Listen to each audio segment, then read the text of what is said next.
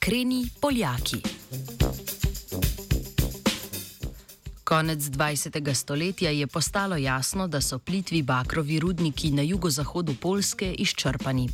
Leta 2011 so znanstveniki in znanstvenice z Varšavske univerze začeli podrobne raziskave, s katerimi so želeli ugotoviti, ali je iskanje in kopanje bakrove rude v globljih plasteh iste regije smiselno. V aprilski številki revije Or Geology Reviews so opisali tri odkrita rudonosna območja in predstavili obetavno strategijo, ki omogoča pridobivanje tako bakra kot srebra iz preko 1500 metrov globokih rudnikov.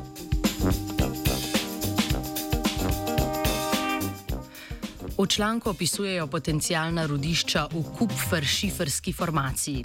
To so plasti skrilavega glinavca, bogate z bakrovimi minerali, ki so se odlagale v koncu paleocoika v riftnem bazenu.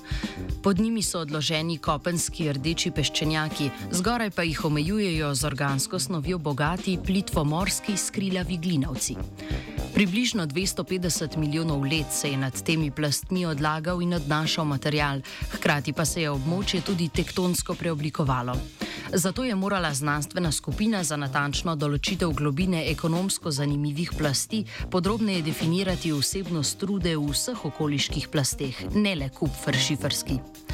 Morali pa so natančno določiti tudi geotermalni gradient regije in poiskati moderne tehnologije, ki bi omogočale varno in učinkovito pridobivanje rude iz globokega podzemnega rudnika. Pri reševanju osnovnih omejitev tako globokega rudnika so si pomagali z obsežnim arhivskim gradivom Polskega geološkega inštituta, ki svoje raziskave že dolgo opravlja na rudonosnih območjih, ta pa so posledično dobro raziskana in dokumentirana. Med drugim so ponovno obdelali podatke geofizikalnih meritev gravitacijskega polja in termičnih gradientov. Pregledali so tudi popise jeder starih vrtin. Slednji so vsebovali podatke o kemijski sestavi kamnin, njihovi mineralni zgradbi ter vsebnosti, vsebnosti organske snovi v kamninah.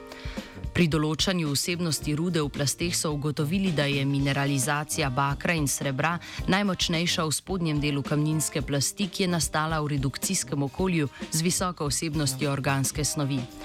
Da pa mineralizacija poteče, mora pod to plastjo ležati kamninska plast, ki je nastala v oksidacijskem okolju z malo organske snovi.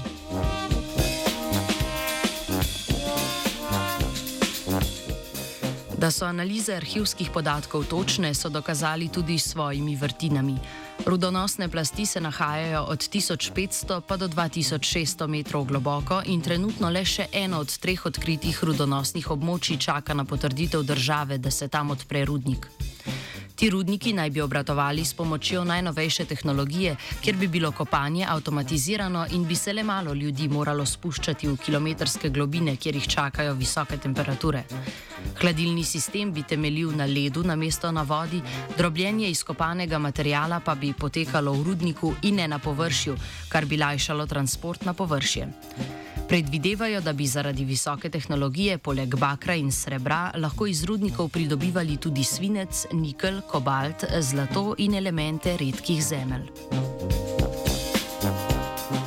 Poljakom vse dobro želi Leja.